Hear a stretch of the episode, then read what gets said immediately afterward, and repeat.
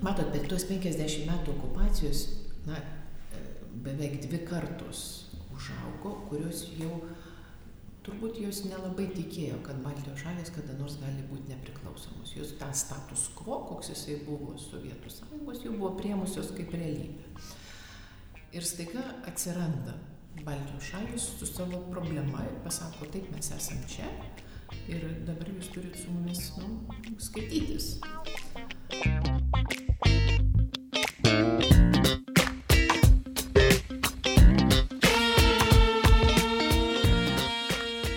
Diplomacy sugrįžta su dar vienu interviu, kurį rašėme dar Lietuvos nepriklausomybės atkūrimo 30-mečio nuotaikomis. Susitikome su ambasadorė, žurnaliste ir šiandien Respublikos prezidento vyriausiaja patarėja Astas Kaisgirytė pakalbėti apie Lietuvos diplomatijos kūrimasi ir iššūkius, su kuriais teko susidurti pirmiesiams atsikūrusios Lietuvos atstovams 90-aisiais.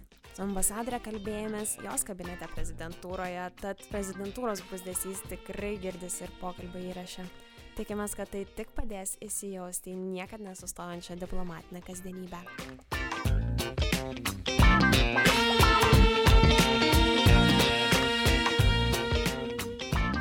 Na, gerbiam Mastą, esate mūsų trečioji pašnekovė, labai džiaugiamės, kad galime su jumis šiandien pakalbėti. Ir galbūt galėtumėt pačioje pradžioje prisistatyti ir papasakoti šiek tiek apie save. Labadiena, labai smagu su jumis kalbėtis. Man atrodo, jūs jau esate nepriklausomybės laikų vaikai, ne?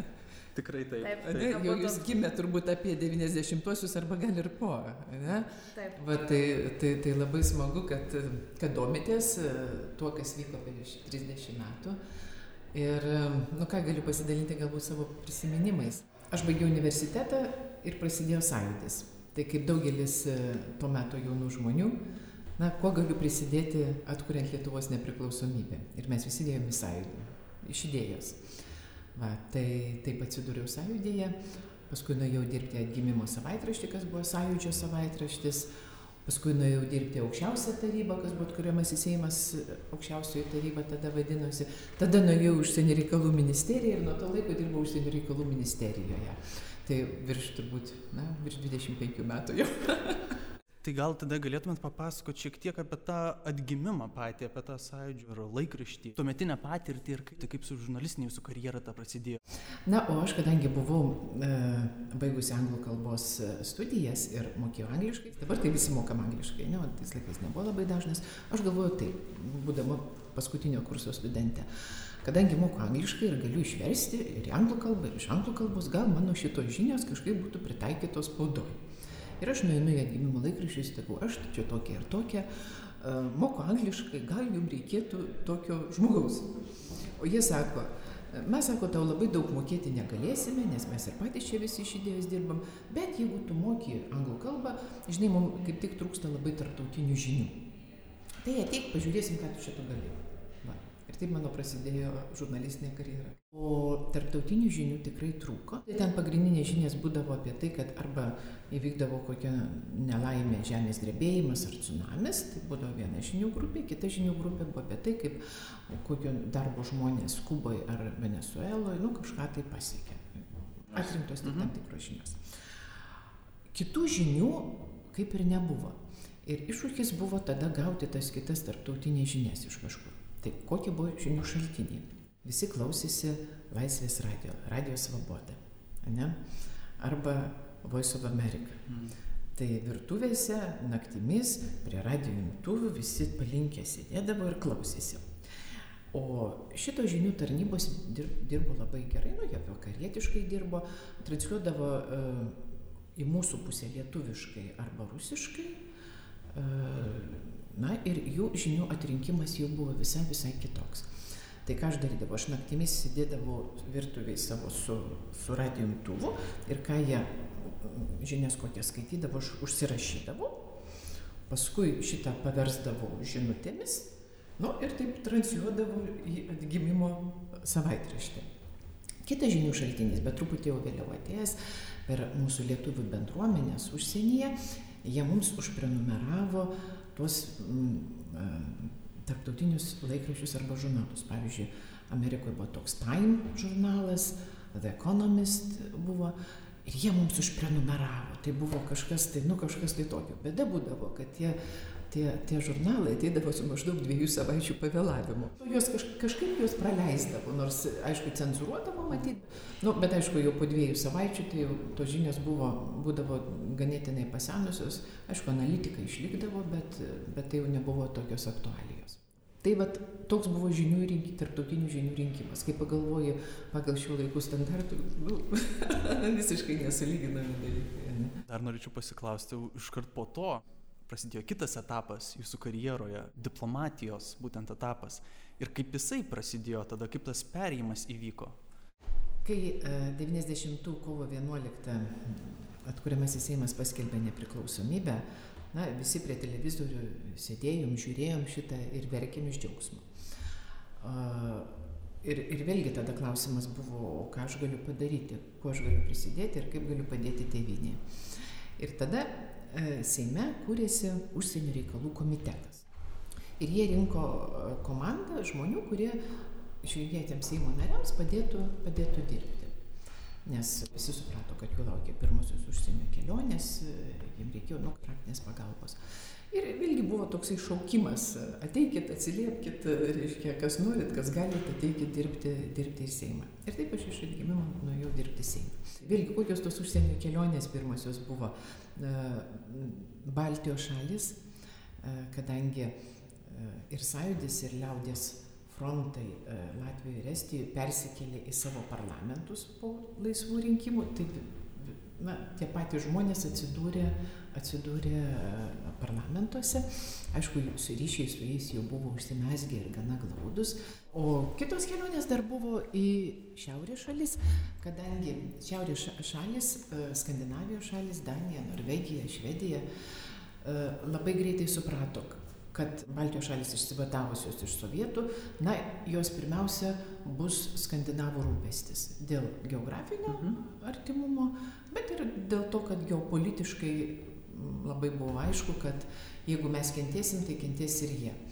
Va, ir jie visi siūlydavo susitikti su jų parlamentarais, nu, maždaug mokyti parlamentarizmo, mokyti demokratijos.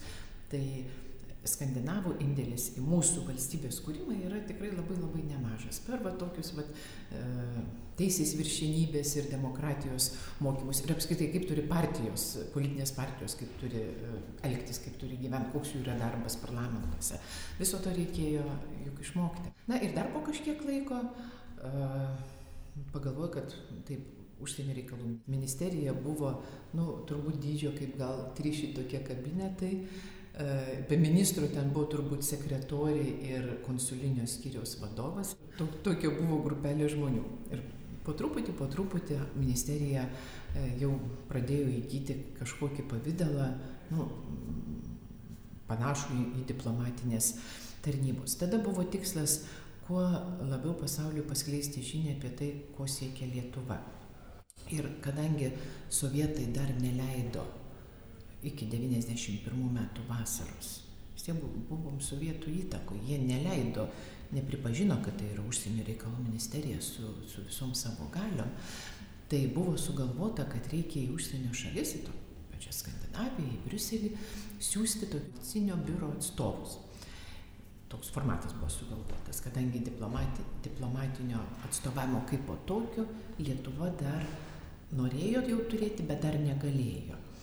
Ir tada buvo mm, keletas diplomatų, kurie buvo išsiųsti į Kopenhagą, į Stokholmą, į Briuselį. Man atrodo, va šitos vasostinės buvo pačios pirmosios, kur jie buvo katapultuoti tose sostinėse, e, dažnai su maišeliu e, grinųjų pinigų, ten dolerių, kadangi nebuvo bankinių jokių transakcijų.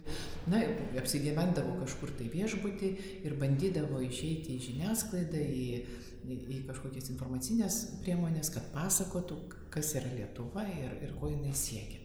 Tai tokia buvo diplomatinio darbo pradžia.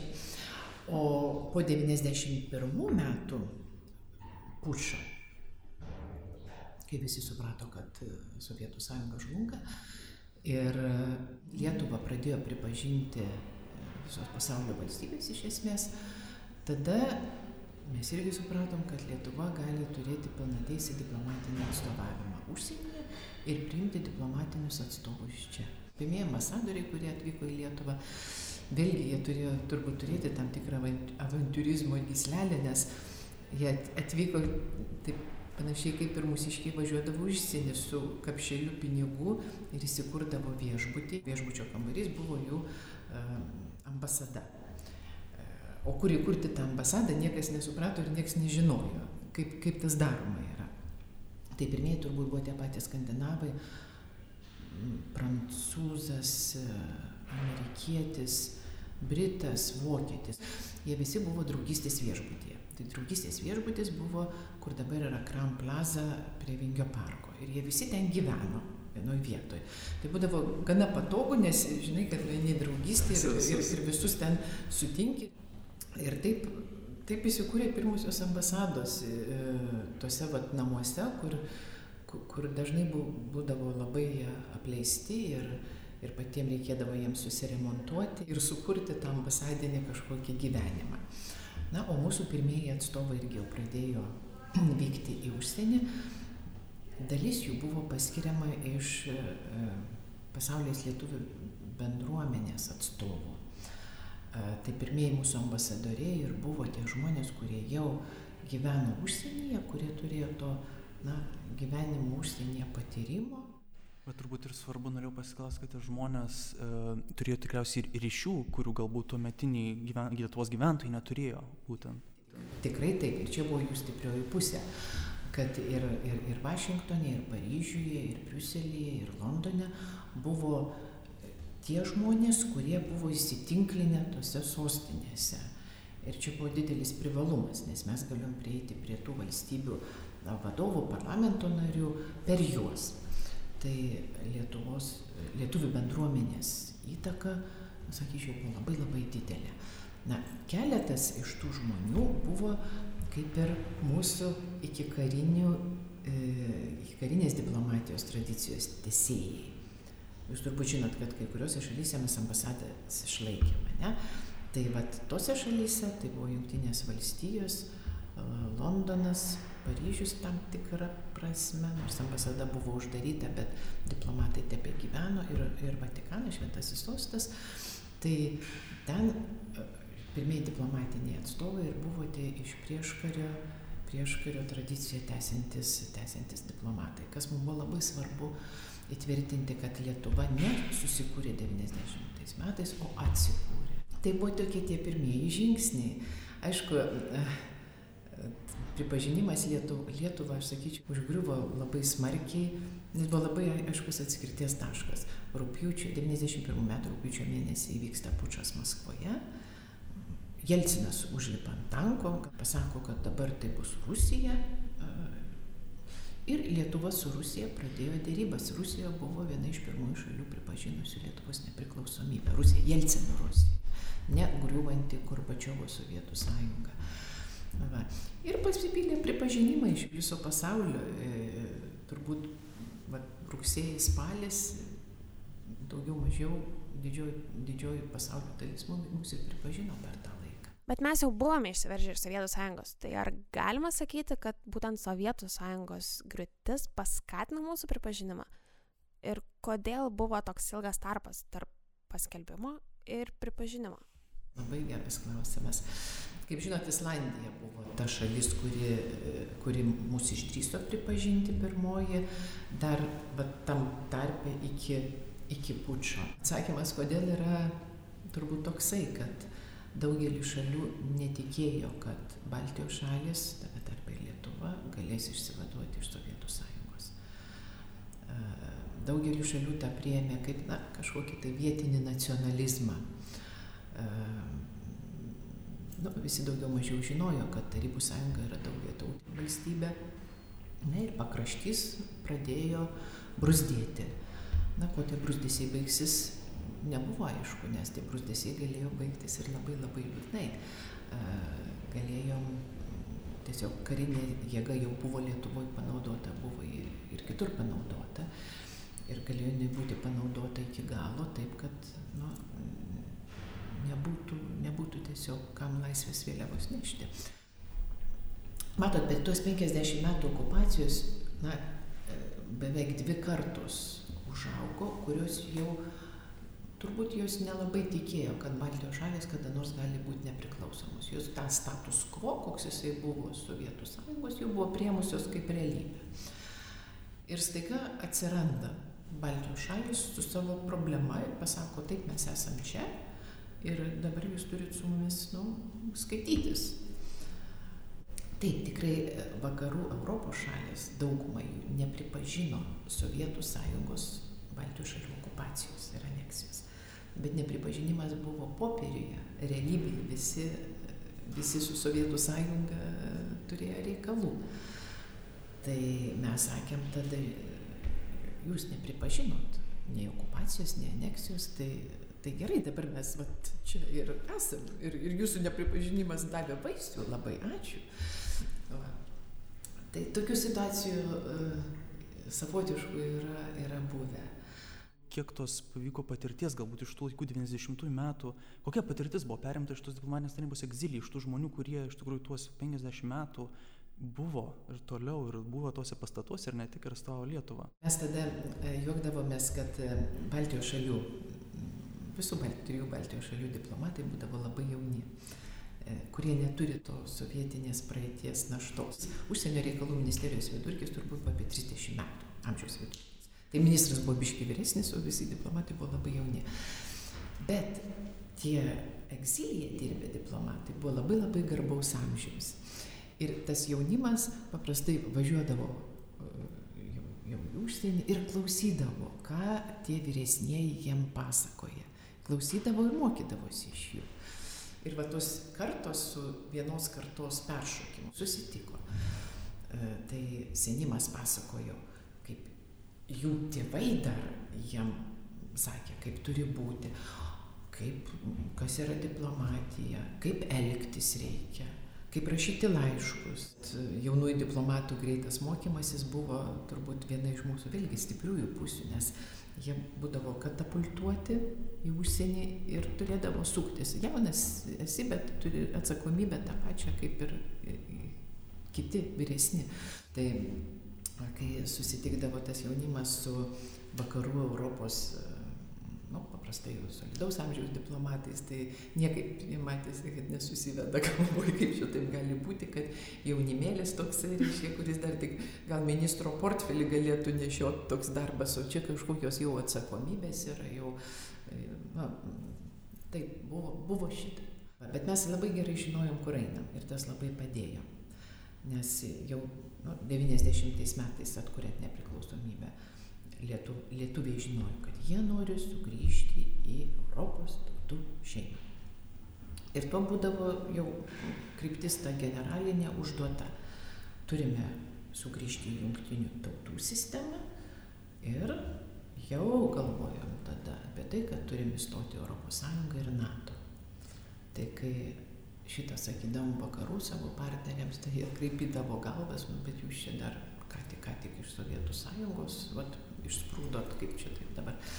Bet mes žinom, ko norim, nes būti Europos tautų šeimų mums reiškia būti šitose organizacijose, vakarietiškose organizacijose, vakarietiškom valstybėmis. Ir tai, tai buvo vat, tai, į ką einama.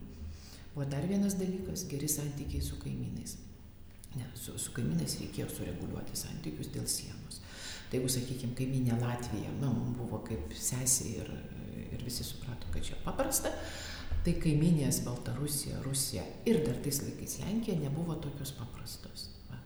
Tai su jom reikėjo nustatyti sienas, arba patvirtinti esamas, arba nustatyti iš naujo ir santykių sukurti. Tai buvo tokie iššūkiai ir, ir tai uždavė toną, sakykime, nuo 90-91 metų iki mūsų įstojimo Europos Sąjungai NATO 2004 metais. Ne, tai maždaug plus minus 15 metų. Va, tai pirmi 15 metų buvo labai tokio intensyvaus darbo metai. Mm, reikėjo labai na, įtikinti, kad mes esame verti būti Europos Sąjungai ir mes verti esame būti NATO. Bet iš tikrųjų mums labai padėjo tarptautinė konjunktūra. Reikia tą pripažinti. Vakarai tuo metu demonstravo atsiverimą ir buvo, na, toks net posakis, kad norime Europe whole and free, reiškia visos Europos ir laisvos Europos susivienijimo. iš Rusijos vėlgi pusės Rusija buvo pati gimstanti kaip, kaip šalis, e, susirūpinusi galbūt šiek tiek savo vidumi, e, kaip jai tvarkytis viduje ir mažiau, mažiau dėmesio skirianti na, artimojo užsienio e, kontroliai. Mums tai buvo galimybių langas ir mes jį labai gerai išnaudojom, nes vėliau tas galimybių langas užsidarė. Tuomet, jeigu galėtume sugrįžti prie jūsų pačios diplomatijos veiklos. Kaip viskas vyko, ta būtent diplomatijos kūrimas, galbūt buvo kokių kuriozų? Kaip jūs buvot sutinkami, važiuodami tokie va jauni diplomatai, vis tiek turėjo būti kažkokių gal istorijų, galite pasidalinti galbūt. Mano pirmasis diplomatinis postas buvo ambasadorystė Prancūzijai, Paryžiuje. Ir tada taip gražiai sutapo, kad visų trijų Baltijos šalių ambasadorius buvo moteris. Tai mes nešėm tą moterišką vėliavą, kas tais laikais, 90 kažkėlintais tai metais, buvo pakankamai egzotiška. Kad trys jaunos moteris, o mes visos buvom gana jaunos, na, atstovauja tris jaunas, prancūzų nuomonė, jaunas Baltijos šalis. Va, tai jau mus identifikuodavo iš tolo kaip tą Baltijos trijetuką tokį. Na ir tai būdavo smagu, nes jeigu, na, jeigu būtų buvę kitaip, gal mums būtų sunkiau būtų, būtų buvę na, prieiti prie politikų, prie, prie sprendimų prieimėjo, o, o kadangi visi žinodavo, kad e, Trua Balt yra Trua Fam Balt, tai yra tos trys ambasadorės, kurios vis beldžiasi į duris ir vis neduoda ramybės, vis kažko tai nori. O mes norėjom, kaip tik tada jau buvo be pradedamos dėrybos dėl narystės Europos Sąjungoje, NATO, tai turėdavom pasakyti, kad mes norime šitas organizacijas, mes, mes Baltijos šalis esame vertos juose būti, mes kūrėme saugumą, ne tik, ne tik naudojame Tai, e, tai to darbo buvo tokio, na, įtikinėjimo gana nemažai. Ir atsimenu, man atrodo, Paryžiui pas vieną pareigūną ėjom e, užsienio reikalų ministerijoje ir taip pat priebutyje kabo žemėlapis, pasaulio žemėlapis. Tokio gal dydžio. Ir Lietuvos, nei Latvijos, nei Estijos jame nebuvo. Kaip mes supykom Kaip supykom, o ten tiesiog senas žemėlapis kabėjo su Tarybų sąjunga ir jis kabėjo ten nuo, nuo tų laikų. Tai mes tam pareigūnui labai iškalbėjom, kad e, jau, jau nuo, nuo, nuo 90 buvo praėję, nu, gal buvo praėję 8 ar 9 metai, jau laikas būtų žemėlapį pasikeisti, mes negalim surasti net savo šalies jūsų šitam žemėlapyje jisai taip sutrikęs aiškinosi kažką tai, kad, reiškia, nu, kad nepastebėjo ar dar ką nors, kaip galėjo nepastebėti, kai yra naujos šalis susikūrę. Va, nu, bet paskui po kiek laiko pas jį apsilankė, o matėm, kad žemėlapis buvo pakeistas naujų. Tai mūsų diplomatinė misija pavyko. Kitas buvo iššūkis toksai, e, konkrečiai su Prancūzija susijęs, tai mūsų senosios ambasados pastato, pastato problema porą žodžių pasakysiu, 40 metais, kai sovietai užėmė Lietuvą, tai visos diplomatinės atstovybės turėjo pereiti sovietų žiniom. Kai kurios perėjo, kai kurios neperėjo, tai jūs tas neperėjusi žinojot. Paryžiuje buvo tokia situacija, kadangi buvo viši vyriausybė tuo metu, e, jau, kuri kolaboravo su, su nacistinė Vokietija O nacistinė Vokietija tuo metu draugavo, dar buvo ta fazė, kai draugavo su Sovietų sąjunga. Ir ta ši vyriausybė nematė problemos, kad e, Lietuvos turtas gali pereiti Sovietų sąjungai. O tuometinis ambasadorius Petras Klimas, jisai e, suprasdamas šitą situaciją, labai nu, šaliai labai tragiška, jisai nunešė raktus į Paryžiaus meriją ir pasakė taip, kad sako, na, jūs turėtumėte mums garantuoti neliečiamybę diplomatinį imunitetą, bet kadangi jūs nesugebat šito padaryti, tai bent saugokit mūsų raktus. Nu, jie neišsaugojo raktų, jie tos raktus atidavė sovietam. Va, ir į mūsų ambasadą įsikėlė Sovietų sąjungos atstovybė UNESCO. Labai ilgus metus, ten dešimtmečius ten ir buvo tam pastate. Ir 90 metais, kai mes atsikūrėme, mes, mes prancūzų klausimų. Atiduokit raktus. Raktai, tai pas jūs. Gražiai perduoti. Va, tai buvo tam tikras gal šaltas dušas, nes aišku, kad raktai atiduoti rusam ir paskui po Sovietų sąjungos, aišku, Rusijos, Rusijos atstovybė UNESCO tam pastate buvo įsikūrusi. Ir prasidėjo dėrybos su prancūzais dėl, na, ką toliau darom, reiškia, neišsaugojot mūsų, mūsų raktų, kalbėkime. Tuometinis prancūzijos prezidentas Širakas labai gerai suprato šitą problemą ir tada jisai pasakė savo garsią frazę, kad, na, kol ambasadų pastatai, pastato problema nebus išspręsta, tol tas akmenukas iš bato tarp Lietuvos ir Prancūzijos nebus pašalintas. Trends visą laiką. Ta pati situacija buvo su Latvija ir Estija. Va. Ir po tam tikrų dėrybų buvo sutarta, kad kadangi jie, na, jie negalėjo rusų išvykti iš to, to mūsų pastato, nes tada rusai sakė, kad jie turi diplomatinį imunitetą tenai, e, tai jie mums kompensavo pinigais, o mes už tuos pinigus nusipirkom naują ambasados pastatą, kuris ir dabar yra atstovybė Paryžiuje. Tai Va, tai, na, smagumas buvo, kad prancūzai suprato, kad reikia šitą problemą išspręsti ir tam tikrų būdų išsprendė. Paskui šitą pačią schemą bandėm atkartoti ir spręsdami pastato Italijoje klausimą Romoje. Vis dėlto Lietuva šiemet švenčia 30 metį, ar ne? Ir labai džiaugiamės tuo, mes patys, kad gyvenam laisvoje Lietuvoje, bet įdomu, va, jūsų nuomonė ir jūsų galbūt netgi patarimas. Ko galėtų ir dabartinė Lietuva, ir dabartiniai diplomatai, ir galbūt diplomatai po 10-20 metų pasimokyti iš tų pačių pirmųjų žingsnių, iš tų vat, 90-ųjų metų, ko reikėtų nepaleisti, ką prisiminti ir ties ko laikytis. Man labai patinka tie jauni žmonės, kurie ateina į mūsų diplomatinę tarnybą dirbti. Jie, jie yra va, jūsų amžiaus, jie yra na, kitokie, išsilavinę labai, ragavę mokslų, matę pasaulį, jau matę pasaulį, kalbantis įvairiomis kalbomis, tai yra labai didelis dalykas, ko reikėtų neprarasti idealizmo, vertybių sistemos. Vertybių sistema yra mūsų ta pati. Išsaugoti Lietuvos suverenitetą ir įstiprinti visais įmanomais.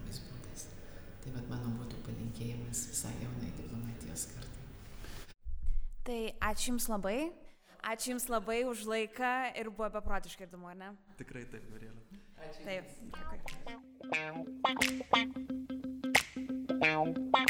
dėkui.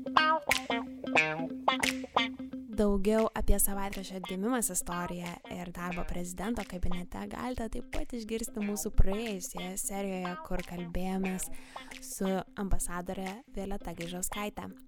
O tuo tarpu sekite užsienio reikalų ministeriją socialiniuose tinkluose, kad nepraleistumėt nei vieno naujo epizodo. Tad likite namuose, klausykitės podcastų ir rūpinkitės vieni kitais. Iki.